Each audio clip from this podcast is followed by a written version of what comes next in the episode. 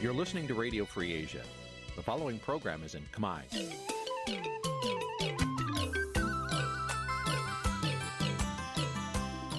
នេះជាកម្មវិធីផ្សាយ Vuthu Azizi Serai នេះជាកម្មវិធីផ្សាយរបស់ Vuthu Azizi Serai ជាភាសាខ្មែរ Vuthu Azizi Serai សូមស្វាគមន៍លោកអ្នកនាងទាំងអស់ពីរដ្ឋធានី Washington នៃសហរដ្ឋអាមេរិក បាទពីរដ្ឋធានី Washington ខ្ញុំបាទសេកបណ្ឌិតសូមជម្រាបសួរអស់លោកអ្នកនាងកញ្ញាទាំងអស់ជាទីមេត្រីយើខ្ញុំសូមជូនកម្មវិធីផ្សាយសម្រាប់ព្រឹកថ្ងៃសៅរ៍8កើតខែភទ្របទឆ្នាំខាលចត្វាស័កពុទ្ធសករាជ2566ត្រូវនៅថ្ងៃទី3ខែកញ្ញាគ្រិស្តសករាជ2022បាទជាដំបូងនេះសូមអញ្ជើញអស់លោកអ្នកនាងស្ដាប់ព័ត៌មានប្រចាំថ្ងៃដែលមានមេតិការដូចតទៅ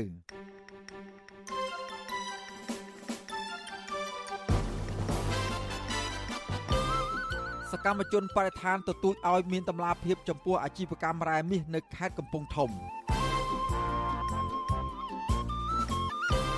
យុវជននិងក្រមស្ត្រីថ្ងៃសុកតវ៉ាទាមទារសេរីភាពឲ្យកញ្ញាសេងធីរី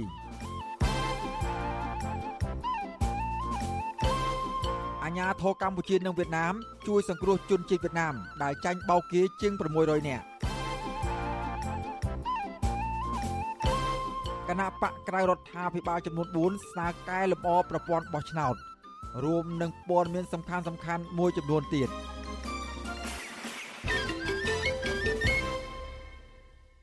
ជាបន្តទៅទៀតនេះខ្ញុំបាទសេកបណ្ឌិតសូមជូនព័ត៌មានទាំងនេះពិស្ដា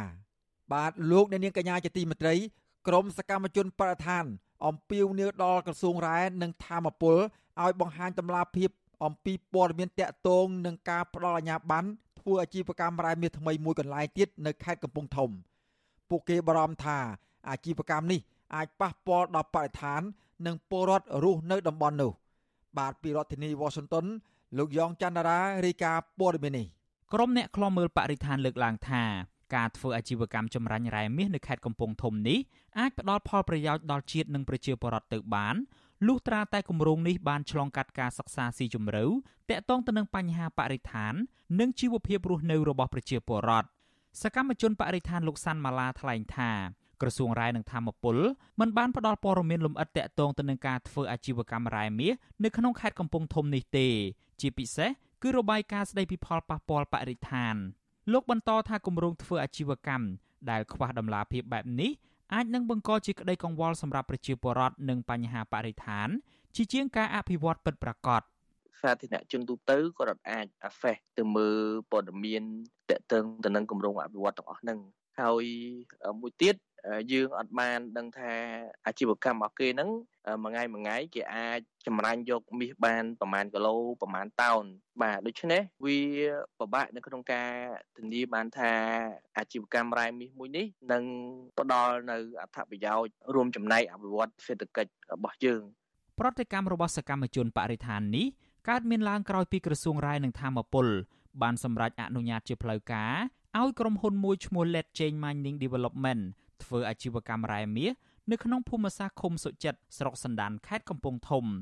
មុនទទួលបានអាជ្ញាប័ណ្ណធ្វើអាជីវកម្មក្រុមហ៊ុននេះទទួលបានអាជ្ញាប័ណ្ណរុករករ៉ែនៅតំបន់ឃុំសុចិត្តនៅលើផ្ទៃដីទំហំ151គីឡូម៉ែត្រការ៉េកាលពីចុងខែមីនាឆ្នាំ2020អគ្គនាយកនៃអគ្គនាយកដ្ឋានរ៉ែនៃក្រសួងរ៉ែនិងធម្មពលគឺលោកអឹងឌីប៉ូឡាបានប្រាប់សារព័ត៌មានក្នុងស្រុកថាក្រុមហ៊ុនកំពុងរៀបចំខ្សែសង្វាក់ផលិតកម្មរបស់ខ្លួន ហើយទំនងជាអាចចាប់ផ្ដើមចម្រាញ់រ៉ែមាសនៅចុងឆ្នាំ2023ខាងមុខលោកបញ្ជាក់ថាក្រសួងបានវាយតម្លៃហេតុផលប៉ះពាល់បរិស្ថាន និងសង្គមរួចរាល់អស់ហើយមុននឹងសម្រេចឲ្យក្រុមហ៊ុនធ្វើអាជីវកម្មចម្រាញ់រ៉ែមាសនេះវិទ្យុអាស៊ីសេរីមិនអាចតាក់ទងលោកអឹងឌីប៉ូឡាដើម្បីសាកសួរបន្ថែមអំពីរឿងនេះបានទេកាលពីយប់ថ្ងៃទី2កញ្ញាក្រុមប្រឹក្សាអភិវឌ្ឍកម្ពុជា CDC ឲ្យដឹងលើបណ្ដាញសង្គម Facebook កាលពីថ្ងៃទី31ខែសីហាថា គម្រោងវិនិយោគរ៉ែមាសនៅស្រុកសណ្ដានខេត្តកំពង់ធំនេះមានទុនវិនិយោគប្រមាណ13លានដុល្លារអាមេរិកនិងអាចបង្កើតការងារបានចំនួន300កន្លែងទោះជាយ៉ាងណា ស្ថាបនិកចលនាមេដាធម្មជាតិលោក Alejandro Gonzalez Davidson ថ្លែងថា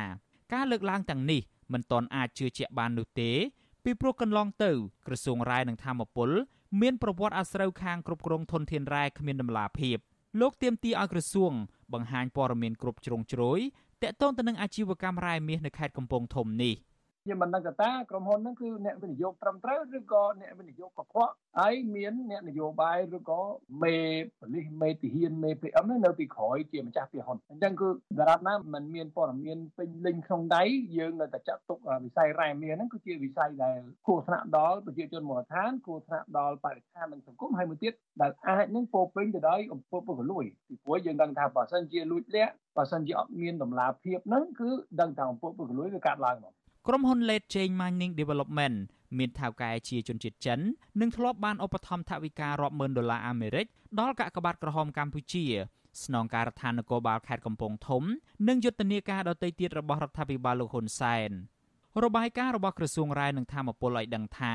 គិតត្រឹមដើមខែសីហាកន្លងទៅ កម្ពុជាផលិតបានមាសចំនួន232ដុំស្មើនឹងជាង3តោន និងប្រមូលចំណូលសួយសារបានជាង5លានដុល្លារអាមេរិក រីឯក្រុមហ៊ុនដែលទទួលបានអាជ្ញាប័ណ្ណធ្វើអាជីវកម្មរ៉ែមាសវិញ មានចំនួន7ក្រុមហ៊ុននៅក្នុងនោះក្រុមហ៊ុនដែលផលិតមាសបានច្រើនជាងគេគឺក្រុមហ៊ុន Renaissance របស់អូស្ត្រាលីខ្ញុំយ៉ងច័ន្ទដារាវិទ្យុអាស៊ីសេរីរាយការណ៍ពីរដ្ឋធានី Washington បាទលោកនាងកញ្ញាជាទីមេត្រីលោកនាងកំពុងតាមដានស្ដាប់ការផ្សាយរបស់វិទ្យុអាស៊ីសេរីពីរដ្ឋធានី Washington សហរដ្ឋអាមេរិក ប្រជាសហគមន៍និងក្រមយុវជនសោកស្ដាយចំពោះទង្វើរបស់អាជ្ញាធរខេត្តក្រចេះដែលគ្មានសមត្ថភាពការពារព្រៃសហគមន៍ភ្នំសេះដែលកំពុងប្រឈមការកាប់បំផ្លាញទ្រង់ទ្រាយធំអស់ជាង1000ហិកតាដោយគ្មានការទប់ស្កាត់ច្បាស់លាស់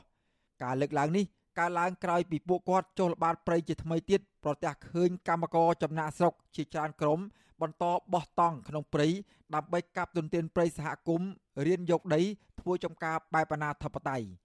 បាទលោកលាននៅបានស្ដាប់សេចក្តីរាយការណ៍ពិស្ដារអំពីរឿងនេះនាពេលបន្តិចទៀត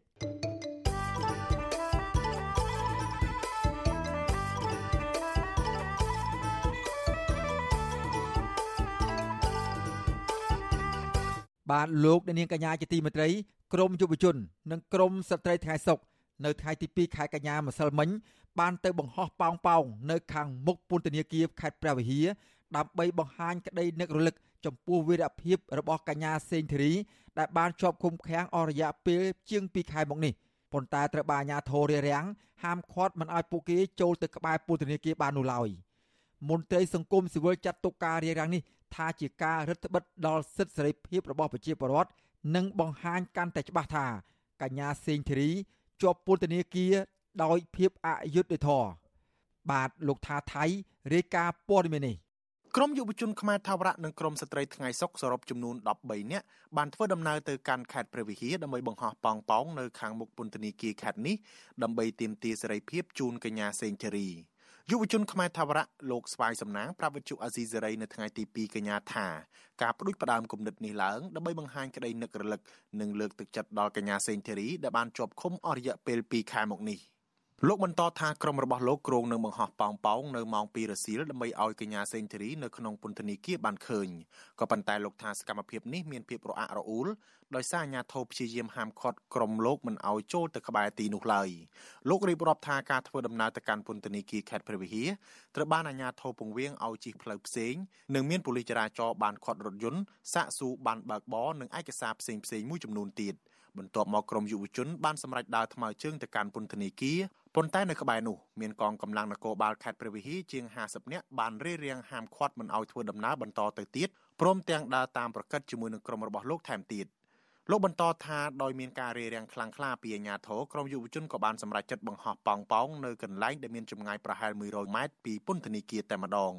លោកមានការសោកស្ដាយនឹងចាត់ទុកទង្វើរបស់អាជ្ញាធរថាជាការគំរាមកំហែងបំបិទសិទ្ធិសេរីភាពប្រជាពលរដ្ឋក្នុងការបង្ហាញក្តីស្រឡាញ់និងនឹករលឹកដល់កញ្ញាសេងធីរីពួកយើងសម្រេចចិត្តបង្ហោះនៅទីតាំងនឹងតែម្ដងដោយសារតែមើលអំពីការរៀបរៀងចំណាត់ការរបស់កងកម្លាំងសមត្ថកិច្ចនេះហាក់បីដូចជាមានការរឹងមាំខ្លាំងមែនទែនមកគឺគេបញ្ជូនកងកម្លាំងមកជាបន្តបន្ទាប់រហូតយើងមើលឃើញជាង50នាក់នៅក្នុងបរិវេណហ្នឹងហើយយើងជាក់ស្ដែងក្រុមយុវជនយើងជាង10នាក់សោះគេប្រើកម្លាំងរហូតជិត50នាក់មកទប់ទល់ជាមួយពួកយើងបាទចំណែកតំណាងស្ត្រីថ្ងៃសុកលោកស្រីព្រំចន្ទថាឲ្យដឹងថាលោកស្រីខកចិត្តចំពោះអាញាធរដែលរៀបរៀងមិនអោយបង្ហោះប៉ោងប៉ោងនិងចាត់ទុកករណីនេះថាជាការបំបិទសិទ្ធិសេរីភាពមួយកម្រិតទៀតបន្ថែមពីលើករណីបញ្ជូនខ្លួនកញ្ញាសេងធីរីទៅឃុំនៅពន្ធនាគារឆ្ងាយពីគ្រួសារនិងមិត្តភ័ក្តិលោកស្រីបន្តថាកញ្ញាសេងធីរីជាស្ត្រីខ្មែរគំរូមួយរូបដែលលះបង់ពេលវេលាមកជួយពលរដ្ឋខ្មែរដែលកំពុងដង្ហោយសុំយុត្តិធម៌ លោកស្រីថាបើទោះបីជាអាញាធរបញ្ជូនខ្លួនកញ្ញាសេងធីរីទៅឃុំនៅពន្ធនាគារជាយដែនដាច់ស្រយាលនិងរៀបរៀងយុទ្ធនាការបង្ហោះប៉ោងប៉ោងនេះក្តី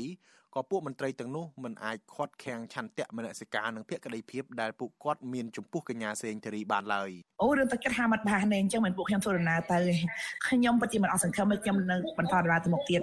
កញ្ញាសេងធីរីត្រូវបានតុលាការសម្រេចបញ្ជូនខ្លួនយកទៅឃុំនៅពន្ធនាគារខេត្តព្រះវិហារកាលពីថ្ងៃទី15មិថុនាក្រោយពីចាប់ខ្លួនមួយថ្ងៃមន្ត្រីពន្ធនាគារអះអាងថាការបញ្ជូនខ្លួនកញ្ញាទៅឃុំឃាំងនៅទីនោះដើម្បីការពារកុំឲ្យមានបាតុភិបផ្សេងផ្សេងដែលបង្កឡើងដោយអ្នកគ្រប់គ្រងរបស់កញ្ញាដោយឡែកក្រុមយុវជនបង្កើតគំនិតបង្ហោះប៉ោងប៉ោងនេះឡើងដោយសារពួកគេមិនអាចចូលទៅជួបសួរសុខទុក្ខកញ្ញាសេងធីរីដោយផ្ទាល់ព្រោះមន្ត្រីពន្ធនាគារបានកំណត់ការចូលជួបបានតែក្រុមគ្រួសារនិងមេធាវីតែប៉ុណ្ណោះ ជុំវិញរឿងនេះអ្នកនាំពាក្យអគ្គនាយកដ្ឋានពន្ធនាគារនៃក្រសួងមហាផ្ទៃលោកនុតសវណ្ណាឲ្យដឹងថាការរៀបរៀងនៅសកម្មភាពទាំងនោះដោយសារតែពន្ធនាគារមិនចង់ឲ្យមានបាតុភិបណាមួយកើតឡើងដែលបង្កជាការប៉ះពាល់ដល់ការងារនៅទីនោះឡើយម្យ៉ាងទៀតលោកថាទីតាំងក្នុងពន្ធនាគារជាកន្លែងហាមឃាត់មិនឲ្យចេញចូលឬធ្វើសកម្មភាពផ្ដេសផ្ដាសបាននោះទេ តែលោកបញ្ជាក់ថាទីតាំងក្រៅពន្ធនាគារជាកន្លែងសាធារណៈដោយលោកជំរុញឲ្យសួរបញ្ហានេះទៅកាន់រដ្ឋបាលខេត្តជំនួសវិញអាហ្នឹងក៏សួរទៅអាជ្ញាធរខេត្តបើនៅខាងក្រៅបរិវេណពន្ធនាគារអាហ្នឹងវាស្ថិតនៅក្រោមការគ្រប់គ្រងរបស់អាជ្ញាធរមូលដ្ឋានណារដ្ឋបាលខេត្តទាក់ទិនបញ្ហានេះប្រធានសមាគមសម្ព័ន្ធនិស្សិតបញ្ញវន្តខ្មែរលោកកើតសារាយយល់ឃើញថា ការរៀបរៀងក្រុមយុវជនមិនឲ្យចូលក្បែរពន្ធនាគារបង្ហោះប៉ោងប៉ោងគឺជាការរឹតបន្តឹងសិទ្ធិសេរីភាពនៅទីសាធារណៈនិងសិទ្ធិនៃការបញ្ចេញមតិរបស់ប្រជាពលរដ្ឋបើទោះបីជាសិទ្ធិទាំងអស់នោះត្រូវបានគាំទ្រដោយរដ្ឋធម្មនុញ្ញដែលជាច្បាប់កម្ពុជានៃប្រទេសយ៉ាងណាក្តីលោកបន្តថាសកម្មភាពរបស់អាជ្ញាធរខេត្តមួយនេះក៏បង្ហាញថាពួកគេមានការរអៀសខ្លួននិងភ័យខ្លាចបន្ទាប់ពីបញ្ជូនកញ្ញាសេងធីរីមកឃុំឃាំងនៅទីនេះដោយភាពអយុត្តិធម៌និងមិនត្រឹមត្រូវទៅតាមផ្លូវច្បាប់ លោកលើកឡើងថាឆ្លងកាត់តាមសកម្មភាពទាំងអស់នេះបង្ហាញឲ្យឃើញកាន់តែច្បាស់ថាការអនុវត្តច្បាប់ទៅលើកញ្ញាសេងធីរីមិនមែនជាការអនុវត្តទៅតាមនីតិវិធីច្បាប់ដោយត្រឹមត្រូវនោះទេគឺជាការសងសឹកក្នុងផ្លូវនយោបាយតែប៉ុណ្ណោះអានឹងហាក់ដូចជាបង្ហាញពីភាពដែលខ្មាស់អៀនឬក៏បង្ហាញអំពីការបាត់បង់ទំនុកចិត្តណាមួយក្នុងនាមជាអ្នកអនុវត្តច្បាប់ដែលបានអនុវត្តទៅលើកញ្ញាសេងធីរីណា យុទ្ធនាការរបស់ក្រុមយុវជននេះធ្វើឡើងបន្ទាប់ពីកាលពីថ្ងៃទី1កញ្ញាម្សិលមិញសាលាធរក៏បានបដិសេធបណ្ដឹងសុំនៅក្រៅឃុំរបស់កញ្ញាសេងធីរីអង្គការសង្គមស៊ីវិលសម្ដែងការខកចិត្តចំពោះការសម្រេចរបស់សាលាធរដែលមិនអនុញ្ញាតឲ្យកញ្ញាសេងធីរីនៅក្រៅឃុំបណ្ដោះអាសន្នដោយចាត់ទុកថាគឺជារឿងអយុត្តិធម៌ខ្ញុំថាថៃពីទីក្រុងមែលប៊ន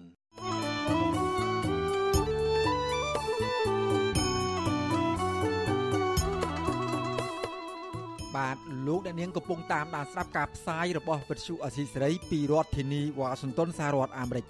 ក្រៅពីលោកអ្នកនាងស្ដាប់ការផ្សាយរបស់យើងខ្ញុំតាមរយៈបណ្ដាញសង្គម Facebook និង YouTube នោះ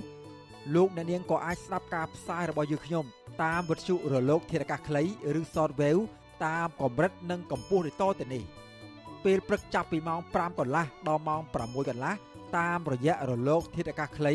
12140 kHz ស្មើនឹងកម្ពស់ 25m និង13715 kHz ស្មើនឹងកម្ពស់ 22m នៅពេលយប់ចាប់ពីម៉ោង7កន្លះដល់ម៉ោង8កន្លះតាមរយៈរលក ធាតុអាកាសខ្លី9960 kHz ស្មើនឹងកម្ពស់ 30m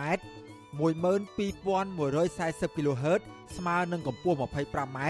និង11885 kHz ស្មើនឹងកម្ពស់ 25m បាទសូមអរគុណ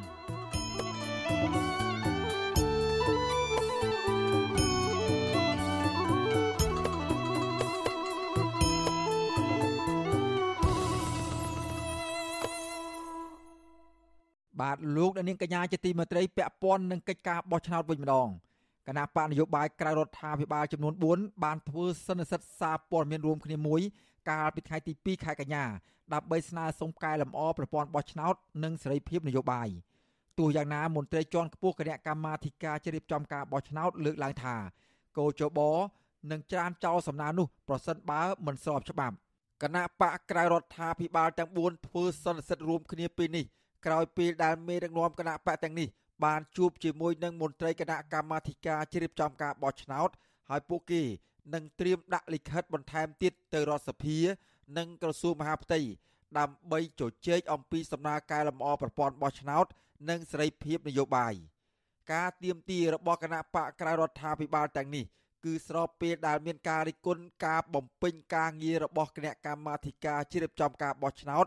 និងមន្ត្រីពាក់ព័ន្ធ ថាមិនបានរៀបចំឲ្យមានការប្រកួតប្រជែងមួយដែលអាចជឿទុកចិត្តបាននៅឡើយអនុប្រធានគណៈបកភ្លើងទៀនលោកជេបកឹមអៀងថ្លែងក្នុងសន្និសីទសារព័ត៌មាននោះថាការជួបជជែកជាមួយនឹងមន្ត្រីគោចបការពិពេលថ្មីថ្មីនេះដើម្បីតស៊ូមតិក្នុងការស្នើទៅស្ថាប័នរៀបចំការបោះឆ្នោតមួយនេះឲ្យដោះស្រាយបញ្ហាបច្ចេកទេសមួយចំនួន ដែលកើតមានឡើងកាលពីការបោះឆ្នោតឃុំសង្កាត់អាណត្តិទី5ថ្មីថ្មីនេះ លោកលើកឡើងទៀតថាបញ្ហាទាំងនោះរួមមាននីតិវិធីមួយចំនួនមានភាពស្មុគស្មាញចាប់តាំងពីការចុះបញ្ជី ការបោះឆ្នោត និងការរាប់សន្លឹកឆ្នោតជាដើមលោកថាក្រៅពីនេះមន្ត្រីបោះឆ្នោតមិនបំពេញការងាររបស់ខ្លួនឲ្យបានត្រឹមត្រូវតាមច្បាប់នោះទេដូចជាពេលរាប់សន្លឹកឆ្នោត មានការបិទទ្វារនិងបិទបង្អួចជាដើមលោកថាការបោះឆ្នោតជាការសម្ងាត់ប៉ុន្តែការរាប់សន្លឹកឆ្នោតមិនមែនជាការសម្ងាត់នោះទេ ភ្លៀងធ្ងររទះអីសពអីយ៉ាងដែលធ្វើឲ្យរំខាននៃការរាប់សន្លឹកឆ្នោតខូចលទ្ធផលឆ្នោតអានឹងអាចយើងអាចបិទទ្វារឬក៏បិទបង្អួយឬក៏យើងមានមានភ្លើងអីសពយ៉ាងហើយត្រូវធ្វើម៉េចកុំអោកុំឲ្យមើលឃើញថាការរត់ស្លឹកឆ្នោតមានការ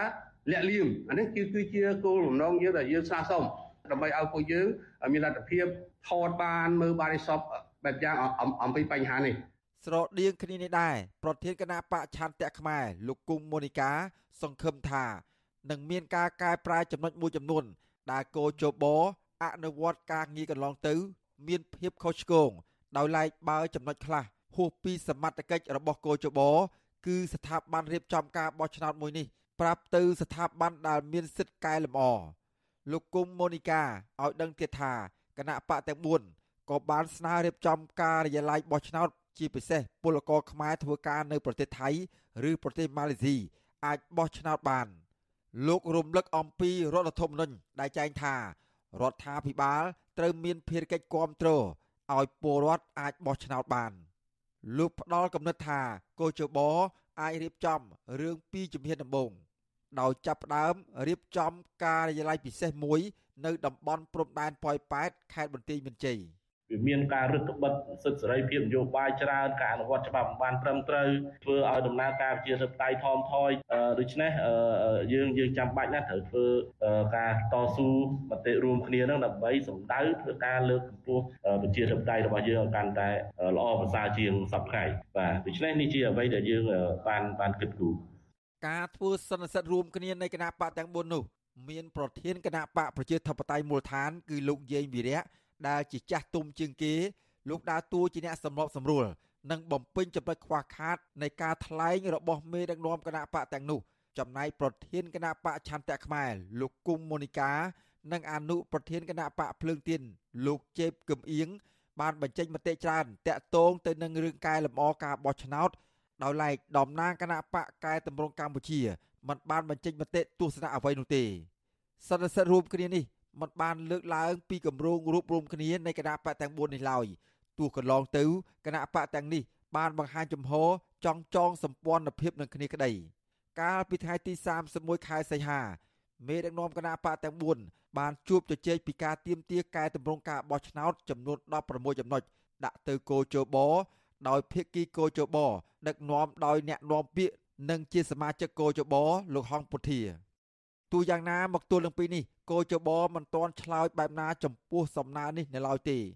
កតទៅនឹងរឿងនេះអ្នកនាំពាក្យគណៈកម្មាធិការជ្រៀបចំការបោះឆ្នោតលោកហងពុធា បានឲ្យវិទ្យុអាស៊ីសេរីដឹងនៅថ្ងៃទី2ខែកញ្ញាថាពេលនេះគោចបកំពុងសិក្សាលើសំណើរបស់គណៈបកនយោបាយទាំង4នោះហើយតែទោះយ៉ាងណា លោកសុំមិនធ្វើអត្ថាធិប្បាយលម្អិតអំពីរឿងនេះទេ លោកហងពុធាបញ្ជាក់ថា ប្រសិនបើសំណើនេះស្របច្បាប់ នឹងត្រូវបានកោជបលើកយកទៅពិចារណាប៉ុន្តែបើសំណើនោះមិនស្របច្បាប់នោះទេកោជបនឹងច្រានចោលសំណើនោះនៅទេកោជបកំពុងតែធ្វើការសិក្សាទៅលើសំណើរបស់គណៈបកទាំង4ហ្នឹងបាទมันអាចអ្នកណាកោជបមានយន្តការរបស់ខ្លួនជាសមាជិកភាពក្រុម កោជបគឺមានសមាជិកទាំង9នាក់ហើយហើយនឹងរចនាសម្ព័ន្ធមួយទៀតគឺអគ្គលេខាធិការឋានដែលទទួលទុកផ្ទាល់ទៅវិញគេបោះឆ្នោតអញ្ចឹងត្រូវមានការជជែកគ្នាដោយយកច្បាប់ជាគោលនោះទៅអាចចេញជាលទ្ធផលដែលអាចនិយាយបានថាយ៉ាងណាយ៉ាងណាបាទវិទ្យុអាស៊ីសេរីនៅពុំទាន់អាចសុំការអធិប្បាយរឿងនេះបន្ថែមពីប្រធានអង្គភិបអ្នកណែនាំពាក្យរដ្ឋាភិបាលលោកផៃស៊ីផានបានទេ នៅថ្ងៃទី2ខែកញ្ញា ជុំវិញបញ្ហានេះដែរអ្នករាយការណ៍ពិសេសអង្គការសហប្រជាជាតិទទួលបន្ទុកផ្នែកសិទ្ធិមនុស្សប្រចាំនៅកម្ពុជា លោកវិទិតមុនតបនបានស្នើសុំឲ្យមានការកែសម្រួលក្បាលម៉ាស៊ីនកោចបដោយត្រូវនៅឲ្យឆ្ងាយពីគណៈបកនយោបាយនិងបើកលំហសិទ្ធិពលរដ្ឋគណៈបកនយោបាយក្នុងការចូលរួមការបោះឆ្នោតឆ្នាំ2023ខាងមុខនេះគណៈបកទាំង4លើកឡើងថាអ្វីដែលពួកគេចង់បាននោះគឺការទៀមទាកែលម្អប្រព័ន្ធបោះឆ្នោត និងសេរីភាពនយោបាយដើម្បីឲ្យការបោះឆ្នោតឆ្នាំ2023ខាងមុខមានភាពត្រឹមត្រូវយុត្តិធម៌និងអាចទទួលយកបានទាំងអស់គ្នាពលអ្នកឈ្នះគឺឈ្នះដោយកិត្តិយសហើយអ្នកចាញ់ក៏ចាញ់ដោយអស់ចិត្ត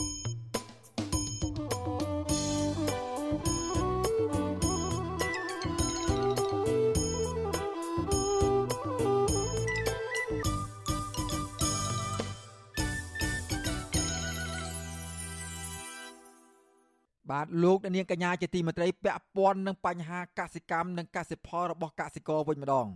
កសិករដាំពោតនៅខេត្តពោធិ៍សាត់ត្អូញត្អែថាឆ្នាំនេះដំណាំពោតរបស់ពួកគាត់មិនសូវហុចផលល្អនោះទេដោយសារតែភ្លៀងធ្លាក់ខ្លាំងក្នុងរដូវវស្សានេះធ្វើឲ្យការប្រមូលផលបានតិចតួច ស្របពេលដែលតម្លៃពោតកំពុងធ្លាក់ថ្លៃនិងមិនសូវមានឈ្មួញទិញច្រើនដូចឆ្នាំមុនមុននោះឡើយកសិករអះអាងថាការនាំចេញទៅប្រទេសថៃ ក៏មានការកកស្ទះដោយសារឈ្មួញចូលមកទិញពោតមានទំនាស់ជាមួយនឹងអាជ្ញាធរថៃនៅតាមព្រំដែនប្រជាកសិករនៅខេត្តពោធិ៍សាត់លើកឡើងពីការប្រមូលផលពោតនៅឆ្នាំនេះថាមិនសូវបានផលច្រើនហើយមិនសូវមានតម្លៃខ្ពស់និងគ្មានទីផ្សារនាំចេញប្រជាកសិករត្អូញត្អែថាពួកគាត់កំពុងជួបការលំបាកផ្នែកសេដ្ឋកិច្ចនិងគ្មានលុយសងបំណុលធនាគារដោយសារតែដាំពោតខាតដើម ព្រោះបានខ្ចីលុយពីធនាគារមកទិញជីថ្នាំគ្រាប់ពូជសាំងនិងជួលកម្មករប្រមូលផលជាដើមកសិករដាំពោតម្នាក់នៅភូមិអង្គរងឃុំសំរោងស្រុកភ្នំក្រវាញលោកស្រីជឹមសុខាប្រាប់បទសុអសីស្រី នៅរសៀលថ្ងៃទី2ខែកញ្ញាថាកសិករដែលដាំពោតនេះបានត្អូញត្អែដូចគ្នាព្រោះពោតមិនសូវអំណោយផលលក់ក៏មិនបានថ្លៃដោយ4ឬ5ឆ្នាំមុននោះឡើយចំណែកបំណុលធនាគារ កសិករដែលដាំពោតក្នុងស្រុកជំពាក់ធនាគារស្ទើរតែគ្រប់គ្រួសារលោកបន្ថែមថាការចំណាយដើមទុនលើការដាំពោតនេះ មានច្រើនគួរសម ហើយពេលដែលទទួលផលមកវិញគិតគូរថ្លៃចំណាយគ្រប់មុខទៅមិនឃើញបានប្រាក់ចំណេញនោះទេ គឺបានត្រឹមតែមួយហត់និងត្រូវឈ្មោះគេមកកំណត់ថ្លៃពោតតាមតែអំពើចិត្តលោកស្នើសុំឲ្យរដ្ឋាភិបាល ជួយរកទីផ្សារឲ្យកសិករងាយលក់ពោតចេញ និងជួយដាក់កំហិតកំណត់ថ្លៃពោត ឲ្យបានតម្លៃមួយដែលសមគួរទៅតាមសេដ្ឋកិច្ចទីផ្សារបច្ចុប្បន្នខ្ញុំដាំនេះដាំបានតែចិត្ត3ហាន់ហ្នឹងអានដាំយើងដីនេះដាំអត់កើតទេដាក់ទៅក្រហមយើងអត់អត់ទៅយើងអត់មានដីទួលអត់មាននិយាយទៅយើងដាំពោតមានទៅស្រុកលិចហ្នឹងឯងវិទ្យុអាស៊ីសេរីនៅពុំទាន់អាចតាក់ទងសុំការស្រ័យបំភ្លឺជុំវិញបញ្ហានេះពីប្រធានមន្ទីរកសិកម្មរុក្ខាប្រមាញ់និងនេសាទខេត្តពោធិ៍សាត់ លោកឈឹមវជីរាបានទេ នៅល្ងាចថ្ងៃទី2ខែកញ្ញាដោយទូរស័ព្ទហៅចូលច្រើនដង តែពុំមានអ្នកទទួលជុំវិញបញ្ហានេះប្រធានសម្ព័ន្ធសហគមន៍កសិករកម្ពុជា លោកថេងសាវឿនលើកឡើងថាទុកលំបាករបស់ប្រជាកសិករមានស្ទើរគ្រប់តំបន់គឺមកពីរដ្ឋាភិបាលមិនបានយកចិត្តទុកដាក់ឲ្យបានពេញទំហឹង លើមន្ត្រីជំនាញផ្នែកពាណិជ្ជកម្មដូចជាមិនទាន់បានបញ្ចេញសក្តានុពលសម្រាប់បង្វិលតម្លៃកសិផលក្នុងទីផ្សារឲ្យមានចរន្តប្រព្រឹត្តទៅដោយរលូននោះទេលោកទទូចដល់ក្រសួងពាក់ព័ន្ធទាំងអស់ជាពិសេសក្រសួងកសិកម្មនិងក្រសួងពាណិជ្ជកម្មត្រូវតែជួយប្រជាកសិករឲ្យមានចំណេះដឹងក្នុងការដាំដុះត្រូវតែជួយប្រជាកសិករឲ្យមានចំណេះដឹងនិងជំនាញក្នុងការដាំដុះ ព្រមទាំងកំណត់តម្លៃផលិតផលកសិករឲ្យបានតម្លៃសមគួរជៀសវាងឲ្យឈ្មួញកណ្ដាលមកកំណត់តម្លៃដោយខ្លួនឯង ជួយទិញពោតឬក៏ផលិតផលកសិកម្មផ្សេងផ្សេងរបស់ប្រជាពលរដ្ឋនៅពេលដែលដល់រដូវប្រមូលផលពួកគាត់អាចមិនអាចលក់ចេញរដ្ឋាភិបាលអាចទិញពោតរបស់ប្រជាពលរដ្ឋដោយតម្លៃសមរម្យដើម្បីបន្តក្នុងការលក់ទី2គឺត្រូវបង្កើតឲ្យមានប្រព័ន្ធធានារ៉ាប់រងសម្រាប់វិស័យកសិកម្មដោយឲ្យមានក្រុមហ៊ុនជាក់លាក់ក្នុងការធានារ៉ាប់រងទៅលើតម្លៃទីផ្សារក៏ដូចជាតម្លៃនៃការនាំចេញពាណិជ្ជកម្មហើយទី3គឺរដ្ឋាភិបាលត្រូវតែបង្កើននៅទំនាក់ទំនងពាណិជ្ជកម្មការទូតជាមួយប្រទេសជិតខាងក្នុងការបើកទូលាយឲ្យមានអត្រានៃការនាំផលិតផលកសិកម្មពូជសណ្ដែករបាយការណ៍ក្រសួងកសិកម្មរុក្ខាប្រមាញ់និងនេសាទនៅក្នុងឆមាសទី1ឆ្នាំ2022នេះបង្ហាញថាកសិករកម្ពុជាបាននាំចេញគ្រាប់ពោតទៅកាន់ប្រទេសប្រមាណជាង84តោនចំនួននេះបានថយចុះជាង39%បើប្រៀបធៀបអំឡុងពេលដូចគ្នាកាលពីឆ្នាំ2021ស្របពេលបច្ចុប្បន្នការនាំចេញតាមច្រកព្រំដែនថៃក្នុងខេត្តបាត់ដំបង កំពុងមានការរអាក់រអួលដោយសារមានការទាស់ទែងគ្នារវាងឈ្មួញនិងមន្ត្រីប៉ូលីសនៅតាមព្រំដែនថៃ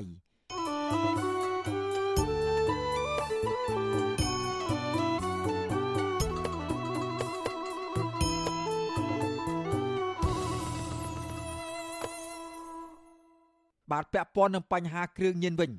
មន្ត្រីសង្គមស៊ីវិលព្រួយបារម្ភអំពីកំណើនគ្រឿងញៀនហូរចូលមកកម្ពុជាតាមរយៈជនជាតិចិន ដែលធ្វើឲ្យប៉ះពាល់ដល់សង្គមនិងស្មារតីរបស់យុវជន ដែលជាអ្នកបន្តវេនអភិវឌ្ឍប្រទេសជាតិនៅថ្ងៃអនាគត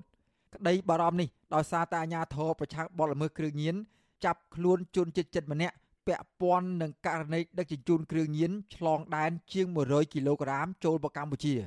បាទលោកជាតិចំណានរាយការណ៍ជុំវិញព័ត៌មាននេះមន្ត្រីសង្គមស៊ីវិលចង់ឃើញអាញាធរអនុវត្តច្បាប់ឲ្យបានតឹងរឹង ទៅលើវិធានការទប់ស្កាត់បទល្មើសគ្រឿងញៀនឲ្យមានប្រសិទ្ធភាពគណៈជនជាតិចិននៅតែបន្តដឹកជញ្ជូនគ្រឿងញៀនចូលកម្ពុជាឥតឈប់ឈរនាយកទទួលបន្ទុកកិច្ចការទូតនៃអង្គការសិទ្ធិមនុស្សលីកាដូលោកអំសំអាតប្រាប់វិទ្យុអស៊ីសេរីនៅថ្ងៃទី2ខែកញ្ញាថាលំហូរគ្រឿងញៀនចូលកម្ពុជាឥតថមថយដោយសពថ្ងៃនេះគឺជារឿងគួរឲ្យព្រួយបារម្ភនិងគ្រោះថ្នាក់សម្រាប់ពលរដ្ឋជាពិសេសយុវជនចំនួនក្រោយដែលអាចរងផលប៉ះពាល់ដោយសារតែការប្រើប្រាស់គ្រឿងញៀននេះលោកលើកឡើងថាប្រសិនបើប្រជាពលរដ្ឋឬក្រុមយុវជនផុ ងខ្លួនប្រើប្រាស់គ្រឿងញៀនកាន់តែច្រើននោះសង្គមកាន់តែប្រឈមបាត់បង់ធនធានសម្រាប់អភិវឌ្ឍប្រទេសជាតិកាន់តែច្រើនដែរលោកទទូចឲ្យអាជ្ញាធរ ត្រូវតែចាត់វិធានការចំពោះក្រុមអក្រិតជនគ្រឿងញៀនឲ្យបានមើងម៉ាត់និងត្រូវស៊ើបតាមចាប់មេខ្លោងធំធំយកមកអនុវត្តទោសទើបអាចទប់ស្កាត់គ្រឿងញៀននេះមានប្រសិទ្ធភាពគ្រឿងញៀនបំពុលសង្គមជាតិយើងគ្រឿងញៀនខ្លាញនៃធនធានហើយនិងសេដ្ឋកិច្ចរបស់សង្គមជាតិយើងដូច្នេះបញ្ហាគ្រឿងញៀននេះវាជាបញ្ហាធំដែលទាមទារឲ្យមានការបង្ក្រាបនិងការទប់ស្កាត់ឲ្យបានជាដាច់ខាតអញ្ចឹងបញ្ហានេះវាត្រូវចាប់ផ្ដើមពីយើងគ្រប់គ្នានិយាយថាត្រូវឲ្យឆ្ងាយពីគ្រឿងញៀនហើយមួយទៀតអាជ្ញាធរដែលពាក់ព័ន្ធគឺស្ថិតនៅឲ្យឆ្ងាយពីគ្រឿងញៀនប្រតិកម្មនេះធ្វើឡើងក្រោយពីសមត្ថកិច្ចបង្ក្រាបបានមេខ្លោងក្រជនជនជាតិចិនម្នាក់ដែលដឹកជញ្ជូនគ្រឿងញៀនប្រភេទកេតាមីនចំនួន100ដុំស្មើនឹងទម្ងន់ជាង100គីឡូក្រាមចូលកម្ពុជាកាលពីពេលថ្មីៗនេះគេហទំព័រស្នងការនគរបាលជាតិឲ្យដឹងនៅថ្ងៃទី2ខែកញ្ញាថាជនជាតិចិនដែលដឹកជញ្ជូនគ្រឿងញៀនចូលកម្ពុជា មានឈ្មោះទូសឹងរងអាជ្ញាធរប្រឆាំងគ្រឿងញៀនឲ្យដឹងថា កាលពីថ្ងៃទី30ខែសីហាកន្លងទៅអាជ្ញាធរបានសហការជាមួយសមត្ថកិច្ចខេត្តព្រះវិហារស្ទឹងត្រែងនិងខេត្តព្រះសីហនុបង្ក្រាបបានមេខ្លោងអក្រិតជនជនជាតិចិនរូបនេះនៅចំណុចផ្លូវដើមឈើចាំស្នេហ៍ស្ថិតនៅភូមិកគីឃុំបិទត្រាំងស្រុកព្រៃនប់ខេត្តព្រះសីហនុអគ្គស្នងការនគរបាលជាតិអះអាងថាអ ுக ្រិតជនគ្រឿងញៀនជនជាតិចិនរូបនេះសមត្ថកិច្ចបានកសាងសំណុំរឿងបញ្ជូនទៅកាន់សាលាដំបងខេត្តព្រះវិហាររួចហើយស្របគ្នានេះដែរអាជ្ញាធរប្រឆាំងគ្រឿងញៀនអះអាងថា សមត្ថកិច្ចបានបន្តការស៊ើបអង្កេត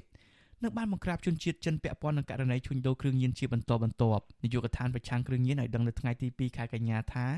កាលពីថ្ងៃទី22ខែសីហាសមត្ថកិច្ចស៊ើបអង្កេតទីតាំងជួញដូរគ្រឿងញៀនពីរគោលដៅផ្សេងគ្នាក្នុងនោះមួយគោលដៅទល់មុខខុនដូអិលស្ថិតក្នុងសង្កាត់បឹងទំពុន2ខណ្ឌមានជ័យរាជធានីភ្នំពេញនិងគោលដៅទី2ស្ថិតនៅក្នុងខុនដូប៉ាអូលីនៅសង្កាត់វាលវងខណ្ឌ7មករារាជធានីភ្នំពេញ និងខាត់ខ្លួនបានជនជាតិចិនម្នាក់ព្រមទាំងរឹបអូសបានគ្រឿងញៀនប្រភេទអេស្តាស៊ីចំនួន7គីឡូក្រាមនិងសារធាតុផ្សំជាគ្រឿងញៀនជាង10គីឡូក្រាមវិសុអាស៊ីសេរីមិនទាន់អាចតាក់ទងអគ្គស្នងការនគរបាលជាតិទទួលបន្ទុកផ្នែកប្រយុទ្ធប្រឆាំងគ្រឿងញៀនលោកម៉ាក់ជីតូដើម្បីសាកសួរអំពីរឿងនេះបានទេនៅថ្ងៃទី2ខែកញ្ញាចំណែកនាយកមន្ត្រីប្រឆាំងបទល្មើសគ្រឿងញៀនលោកលឹកវណ្ណៈក៏មិនអាចតាក់ទងបានដែរនៅថ្ងៃដដែលនេះទោះជាយ៉ាងណាកម្ពុជានៅរយៈពេលចុងក្រោយនេះ ហាក់កំពុងរងការញោមញីយ៉ាងខ្លាំងពីលំហូរគ្រឿងញៀនដ៏ច្រើនសន្ធឹកសន្ធាប់ពិសេសតាមរយៈក្រុមអក្រិតជនជនជាតិចិន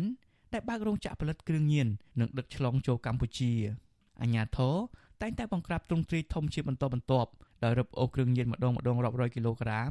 ហើយក្នុងប្រតិបត្តិការបង្ក្រាបខ្លះក្រុមអក្រិតជនបានដកកំភ្លើងបាញ់តដៃជាមួយសមត្ថកិច្ចថែមទៀតផងជាក់ស្ដែងកាលពីថ្ងៃទី31ខែសីហាកន្លងទៅក្រុមអក្រិតជនចំនួន4នាក់បានដកកំភ្លើងបាញ់រះជាមួយសមត្ថកិច្ច ក្នុងពេលចុះបង្ក្រាបនៅពេលដែលក្រុមអក្រិតជនទាំងនោះបានដឹកជញ្ជូនគ្រឿងញៀនមកដល់ចំណុចសង្កាត់ជ្រោយចង្វាររាជធានីភ្នំពេញក្នុងហេតុការណ៍ផ្ទុះអាវុធនោះបណ្ដាឲ្យជនសង្ស័យម្នាក់បានស្លាប់និងម្នាក់ទៀតរងរបួសរួមទាំងប្រជាពលរដ្ឋចំនួន3នាក់រងរបួសធ្ងន់ហើយត្រូវសមត្ថកិច្ចបញ្ជូនទៅសង្គ្រោះនៅមន្ទីរពេទ្យភ្លាមៗទៀតផងចំណែកអក្រិតជន2នាក់ទៀតត្រូវបានសមត្ថកិច្ចឃាត់ខ្លួននាយកទទួលបន្ទុកកិច្ចការទូតនៃអង្គការសិទ្ធិមនុស្សលីកាដូលោកអំសំអាតមានប្រសាសន៍ថា ករណីអក្រិតជនដែលដកកំភ្លើងបាញ់តដៃជាមួយសមត្ថកិច្ចនិងដឹកជញ្ជូនគ្រឿងញៀនចូលកម្ពុជារាប់រយតោនកន្លងមកនេះឆ្លុះបញ្ចាំងឲ្យឃើញថាអក្រិតជនមិនបានញញើតច្បាប់កម្ពុជានោះទេហើយពួកគេតែងតែចាត់ទុកកម្ពុជា ជាទីកន្លែងសម្រាប់ពួកគេធ្វើអាជីវកម្មខុសច្បាប់ខ្ញុំបាទជាចំណាន Visual Assisray ប្រធានាទី Washington បាទលោកនាងកញ្ញាជាទីមេត្រីអាញាធរកម្ពុជានិងវៀតណាមបានសហការគ្នាជួយសង្គ្រោះពលរដ្ឋវៀតណាមជាង600នាក់ដែលចាញ់បោកគេឲ្យមកធ្វើការនៅកម្ពុជា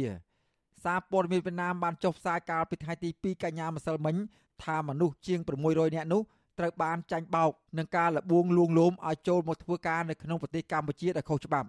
អាញាធរកម្ពុជា និងភ្នាក់ងារតំណាងប្រទេសវៀតណាមបានសហការជាមួយនឹងក្រសួងការបរទេសកម្ពុជា កំពុងរៀបចំបញ្ជូនពួកគេឲ្យត្រឡប់ទៅវៀតណាមវិញក្នុងពេលឆាប់ៗខាងមុខនេះទោះបីយ៉ាងនេះក្តីសារព័ត៌មានដដែលមិនបានបញ្ជាក់ច្បាស់លាស់ទេថាជនជាតិវៀតណាមជាង600នាក់ ត្រូវបានគេជួយសង្គ្រោះពីទីតាំងណាខ្លះហើយឥឡូវនេះគេយកទៅដាក់កន្លែងមានសុវត្ថិភាពណានៅឡើយនោះទេវិទ្យុអសីសេរីនៅពុំទាន់អាចតាក់ទងអ្នកនាំពាក្យក្រសួងការបរទេសកម្ពុជាដើម្បីសូមសួរអំពីបញ្ហានេះបន្ថែមបានទេកាលពីយប់ថ្ងៃទី2ខែកញ្ញាកាលពីថ្ងៃទី1ខែកញ្ញាអាជ្ញាធរកម្ពុជាបានប្រគល់ពលរដ្ឋវៀតណាមចំនួន26នាក់ដែលចាញ់បោកគេមកធ្វើការនៅកម្ពុជាឲ្យទៅឆ្មាំព្រំដែនខេត្តអាងយ៉ាងនៃខេត្តតាមដងទន្លេមេគង្គ និងកងកម្លាំងពាក់ព័ន្ធនៅច្រកទ្វារព្រំដែនអន្តរជាតិទិញបៀនប្រធានប៉ុស្តិ៍ការពារព្រំដែននៅច្រកទ្វារព្រំដែនអន្តរជាតិទិញបៀនលោកវរៈសេនីតូត្រាំងហូហៀបបានប្រាប់សារព័ត៌មានវៀតណាមថាក្នុងចំណោមមនុស្សទាំង26នាក់នោះមានស្ត្រី3នាក់និងបុរស23នាក់ក្នុងនោះមាន11នាក់ពាក់ព័ន្ធនឹងកាស៊ីណូ Richwell ដែលកម្មករជាច្រើនបានព្យាយាមរត់គេចចេញពីទីកន្លែងបង្ខាំងនៅក្នុងកាស៊ីណូនោះកាលពីថ្ងៃទី18ខែសីហាកន្លងទៅ កាលពីថ្ងៃទី18ខែសីហាមនុស្សចំនួន40នាក់ក្នុងនោះមានប្រុស35នាក់បានរត់គេចខ្លួនចេញពីកន្លែងឃុំឃាំងនៅក្នុងកាស៊ីណូ Richwell ស្ថិតនៅក្នុងឃុំសំពៅពូនស្រុកកោះធំខេត្តកណ្ដាលពួកគេបានហែលឆ្លងទន្លេប៊ីងឌីត្រឡប់ទៅប្រទេសវៀតណាមវិញហើយក្នុងពេលហែលទឹកទន្លេនោះមានម្នាក់បានស្លាប់និងម្នាក់ទៀតត្រូវបានសន្តិសុខកាស៊ីណូចាប់ខ្លួនតាក់ទងនឹងជនជាតិបរទេសឆបោកតាមប្រព័ន្ធអនឡាញយកជនបរទេស ឲ្យមកធ្វើការនៅកម្ពុជាហើយចាប់បង្ខាំងនេះរដ្ឋាភិបាលឥណ្ឌូនេស៊ីឯនោះវិញកាលពីថ្ងៃទី1កញ្ញាបានប្រកាសពីការរឹតបន្តឹងជនជាតិរបស់ខ្លួនមិនឲ្យមកកម្ពុជា ការប្រកាសរឹតបន្តឹងរបស់រដ្ឋាភិបាលឥណ្ឌូនេស៊ីនេះនៅក្រៅជនជាតិឥណ្ឌូនេស៊ីរាប់សិបនាក់កាលពីខែសីហាត្រូវបានក្រុមជនជាតិចិនចាប់បង្ខាំងឲ្យធ្វើការនៅកាស៊ីណូក្នុងខេត្តប្រសេនុដែលជាកន្លែងអភិវឌ្ឍคล้ายៗរដ្ឋមន្ត្រីការបរទេសឥណ្ឌូនេស៊ីអ្នកស្រី Retno Marsudi បានប្រាប់សភាកាលពីថ្ងៃប្រហ័សទី1កញ្ញាថាពលរដ្ឋឥណ្ឌូនេស៊ីជាច្រើនអ្នកត្រូវបានជន់ឆោបោកឲ្យមកធ្វើការនៅកម្ពុជា តាមរយៈការសន្យាថាឲ្យប្រាក់ខែខ្ពស់អ្នកស្រីបន្តថាការឆោបោកនេះបានកើនឡើងយ៉ាងគំហុកបើប្រៀបធៀបគ្នាកាលពីឆ្នាំ2021គឺមានចំនួន119នាក់រីឯឆ្នាំ2022គិតត្រឹមខែសីហាបានកើនឡើងដល់446នាក់អ្នកស្រីបន្ថែមថាកាលពីដើមខែសីហា អ្នកស្រីបានពិភាក្សាជាមួយនឹងរដ្ឋមន្ត្រីក្រសួងមហាផ្ទៃអំពីការឆោបបោកតាមអនឡាញជាពិសេសការចាប់បង្ខាំងពលរដ្ឋឥណ្ឌូនេស៊ីឲ្យធ្វើការនៅក្រុងបរសេនុដោយមានរួមទាំងការធ្វើទរណកម្មទៀតផងអ្នកស្រីបន្ថែមថានៅក្នុងខែកក្កដានិងខែសីហាកន្លងទៅអាជ្ញាធរបានជួយសង្គ្រោះពលរដ្ឋឥណ្ឌូនេស៊ីចំនួន241នាក់ចេញពីខេត្តប្រសេនុដែលជាតំបន់កាស៊ីណូរបស់ចិន។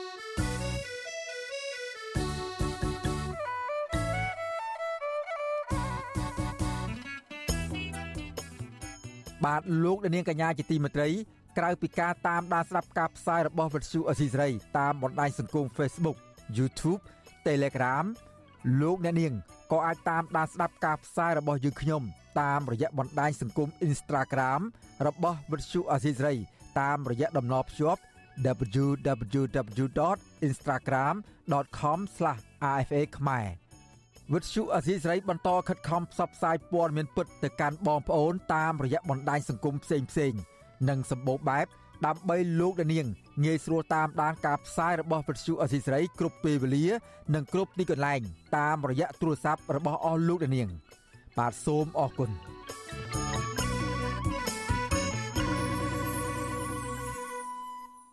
បាទលោកអ្នកនាងកញ្ញាជាទីមេត្រីប្រជាសហគមន៍និងក្រមយុវជនសោកស្ដាយចំពោះទង្វើរបស់អាជ្ញាធរខេត្តក្រចេះដែលគ្មានសមត្ថភាពការពារព្រៃសហគមន៍ភ្នំសេះដែលកំពុងប្រឈមការកាប់បំផ្លាញទ្រង់ទ្រាយធំអស់ជាង1000ហិកតាដោយមិនឃើញមានការទប់ស្កាត់ឲ្យច្បាស់លាស់នោះឡើយ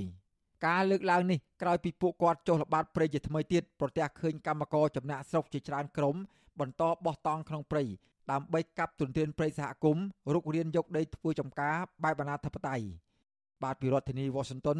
លោកយ៉ងច័ន្ទរាមានសេចក្តីរាយការណ៍មួយទៀតជុំវិញព័ត៌មាននេះក្រមយុវជននិងប្រជាសហគមន៍ការពារព្រៃឈើស្ដាយស្រណោះព្រៃសហគមន៍ភ្នំសេះដែលជាកន្លែងអាស្រ័យផលយ៉ាងសំខាន់របស់ជនជាតិដើមភាគតិចភ្នងជិត200គ្រួសារស្ថិតនៅក្នុងឃុំកណ្ដៀសែនជ័យអតីតឃុំអូក្រៀងស្រុកសម្បូរខេត្តក្រចេះកំពុងប្រឈមការបាត់បង់ជាបន្តបន្ទាប់ ពួកគាត់ខឹងសម្បានឹងទង្វើមន្ត្រីរដ្ឋបាលព្រៃឈើនិងអាជ្ញាធរខេត្តនេះដែលមិនអើពើការពារធនធានធម្មជាតិគេដូនតា បន្សល់ទុកនៅគៀកភូមិកំណើតរបស់ពួកគាត់សមាជិកគណៈកម្មការសហគមន៍ភ្នំសេះលោកប៊ុនចនប្រាប់វិទ្យុអាស៊ីសេរីនៅថ្ងៃទី2ខែកញ្ញាថាបច្ចុប្បន្ននេះមានកម្មករជាច្រើនក្រុមដោយក្នុងមួយក្រុមមានគ្នាចាប់ពី3ទៅ7នាក់បានបោះតង់នៅក្នុងព្រៃដើម្បីកាប់ផ្ដួលដើមឈើធំធំដែលសត្វព្រៃកំពុងតែរស់នៅ លោកថាសមាជិកសហគមន៍មានគ្នាតិចមិនអាចទប់ស្កាត់បទល្មើសព្រៃឈើទាំងនេះគ្រប់ជ្រុងជ្រោយទេគណៈមន្ត្រីរដ្ឋបាលព្រៃឈើនិងអាជ្ញាធរវិញមិនយកចិត្តទុកដាក់ដោះស្រាយក្តីកង្វល់របស់ពួកគាត់ឡើយលោកបន្ថែមថានៅរយៈពេលជាងកន្លះឆ្នាំចុងក្រោយនេះព្រៃស្រោងនិងពាក់កណ្ដាលស្រោងរាប់សិបហិកតាត្រូវគេកាប់រំលំរួចដុតកំទេចចោលដែលធ្វើឲ្យប៉ះពាល់ដល់ជំរកសត្វស្វាព្រៃនិងសត្វក្ងោកផ្អើលទៅតំបន់ផ្សេង អាចចាស់មិនទាន់បោះអាថ្មីកាប់ទៀតនឹងគិតយ៉ាងម៉េចយ៉ាងម៉េចទេខ្ញុំកាប់អាតូចតូចអស់រះជើងក្របអស់លំអាធំទៀតមិនដឹងថាអស់លាយមិនដល់មិនអោយសัตว์ជ្រោកនៅអាដល់ពេញទុកស្វារត់តាមដីឯណោះកាលពីខែសីហាកន្លងទៅប្រជាសហគមន៍ជាង10នាក់បានចុះល្បាតព្រៃសហគមន៍រកឃើញកម្មករបោះតង់ជាច្រើនកន្លែងស្ថិតនៅចំណុចខាងកើតព្រៃសហគមន៍ដើម្បីសំងំកាប់ទន្ទ្រានព្រៃរៀនយកដីលក់និងធ្វើចំការ ក្រុមកម្មករទាំងនោះបានលួចកាប់ឈើនៅពេលយប់និងពេលថ្ងៃអស់ជាច្រើនហិកតា នៅរយៈពេលជាង3ខែចុងក្រោយនេះនៅគ្រាដែលអ្នកភូមិកំពុងមមាញឹកការងារស្រែចម្ការលោកប៊ុនចនបន្ថែមថាដើមច្បាស់ជ័រជាង1000ដើមដែលអ្នកស្រុកដុតយកជ័រទឹកលក់នោះក៏កំពុងប្រឈមការបាត់បង់ជាបន្តបន្ទាប់រីឯស្វាព្រៃដែលធ្លាប់លោតលេងសបាយកំពុងភ័យស្លន់ស្លោ និងសម្លេងរណាយន្តត្រហឹងពេញព្រៃលោកបញ្ជាក់ថាក្រុមអ្នកកាប់ឈើខ្លះ បានលួចដាក់អន្ទាក់និងបរបាញ់សត្វព្រៃដែលខុសច្បាប់នៅតំបន់នោះទៀតផងអាជ្រូករត់ដោយជ្រូកអាសត្វរត់ដោយសត្វនឹងធ្វើមកស្វារត់ដោយស្វាតាមដីតាមអីគ្នាទេគ្នានោះលេងអីជ្រោកបានហ៎ខ្ញុំមិនដឹងគិតធ្វើមកទេព្រៃសហគមន៍ភ្នំសេះមានផ្ទៃដីជាង3000ហិកតា ដែលពលរដ្ឋមូលដ្ឋាន រួមគ្នាថែរក្សាតាំងពីឆ្នាំ2009រហូតដល់ឆ្នាំ2018ទើបក្រសួងកសិកម្មចុះបញ្ជីជាព្រៃសហគមន៍ការពារធម្មជាតិស្របច្បាប់ ប្រជាសហគមន៍ឲ្យដឹងថាព្រៃសហគមន៍ភ្នំសេះសម្បូរដើមឈើមានតម្លៃធំធំ ដូចជាបេងធ្នង់នាងនួនសុក្រំនិងឈើទាលជាដើមក៏ប៉ុន្តែនៅរយៈពេលប្រមាណឆ្នាំចុងក្រោយនេះឈើកម្រទាំងនេះត្រូវបានជនល្មើសលួចកាប់អស់ស្ទើរតែទាំងស្រុងព្រៃនេះមានសត្វព្រៃកម្រជាច្រើនប្រភេទកំពុងរស់នៅ រួមមានស្វា ក្ងោកជ្រូកព្រៃមាន់និងឆ្លូសជាដើម វិទ្យុអាស៊ីសេរីមិនទាន់អាចសុំការបំភ្លឺរឿងនេះពីអភិបាលស្រុកសម្បូរលោកសូមសារិន និងអភិបាលខេត្តក្រចេះលោកវ៉ាថនបាននៅឡើយទេ នៅថ្ងៃទី2ខែកញ្ញាដោយទូរស័ព្ទហៅចូលតែមិនមានអ្នកទទួលចំណែកនាយខណ្ឌរដ្ឋបាលព្រៃឈើខេត្តក្រចេះលោកត្រីសុភ័ក្រវិញវិទ្យុអាស៊ីសេរីក៏មិនទាន់អាចតាក់ទងបានដែរកាលពីឆ្នាំ2019រដ្ឋបាលខេត្តក្រចេះបានចេញលិខិតចំនួន2លើក ដោយស្នើឲ្យបញ្ឈប់ការចូលទន្ទ្រានកាន់កាប់ដីព្រៃសហគមន៍ភ្នំសេះអាជ្ញាធរបានព្រមានធ្ងន់ធ្ងរថានឹងអនុវត្តច្បាប់ចំពោះសកម្មភាពកាប់រៀនទន្ទ្រានដីព្រៃខុសច្បាប់ក៏ប៉ុន្តែគ្មានប្រសិទ្ធភាពនោះឡើយប្រធានសហគមន៍ការពារព្រៃឈើភ្នំសេះលោកហៀសំអឿនថ្លែងថា សំណុំរឿងចាស់ចាស់ដែលពលរដ្ឋចំណាក់ស្រុកកាប់ព្រៃឈើអស់ជាង400ហិកតា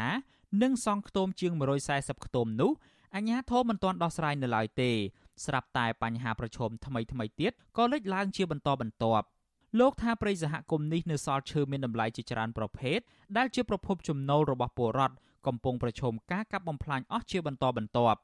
มันអស់ចិត្តត្រង់ថាយើងខំការពារដីយើងមានផែនទីមានទទួលស្គាល់ត្រឹមត្រូវអញ្ចឹងណាមានត្រាពីរដ្ឋមន្ត្រីក្រសួងកសិកម្មអីថាបានពាក់ព័ន្ធទាំងអស់មានអ្នកណាថាដឹងទេអញ្ចឹងប៉ុន្តែដល់ពេលអញ្ចឹងទៅដូចជាវាដូចពងើយទៅទៅខ្ញុំអត់យល់ទៅដឹងចង់សំណូមពរថាឲ្យជួយបើមិនចឹងអស់ហើយដៅជួហើយនឹងបាត់ហើយកលែងជំនឿសាសនាពួកខ្ញុំនោះ កាលពីខែមេសាឆ្នាំ2021សមាគមបណ្ដាញយុវជនកម្ពុជា បានបង្ហាញរបាយការណ៍ស្រាវជ្រាវរកឃើញថាព្រៃសហគមន៍ភ្នំសេះបានបាត់បង់គម្របព្រៃឈើធម្មជាតិជាង1300ហិកតា ហើយទំហំដែលអាចបាត់បង់បន្ថែមទៀតជាង400ហិកតានៅក្នុងព្រៃអភិរក្សមួយនេះមានលំនៅឋានខុសច្បាប់ចន្លោះពី80ទៅ85ខ្នងដែលភ្នាក់ច្រើនក្រមពលរដ្ឋចំណូលស្រុក បានសង់ខ្ទមក្នុងទម្រង់ជារោងចាំចំការ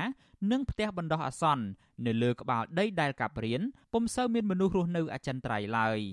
មន្ត្រីសម្របសម្រួលគម្រោងសមាគមបណ្ដាញយុវជនកម្ពុជា CYN លោកអូតឡាទីនអំពាវនាវដល់រដ្ឋាភិបាលចេញបទបញ្ជាជាបន្ទាន់មួយដើម្បីការពារព្រៃសហគមន៍មួយនេះខណៈដែលអាជ្ញាធរខេត្តក្រចេះមិនអើពើដោះស្រាយបញ្ហាប្រឈមទាំងនេះជាច្រើនខែមកហើយ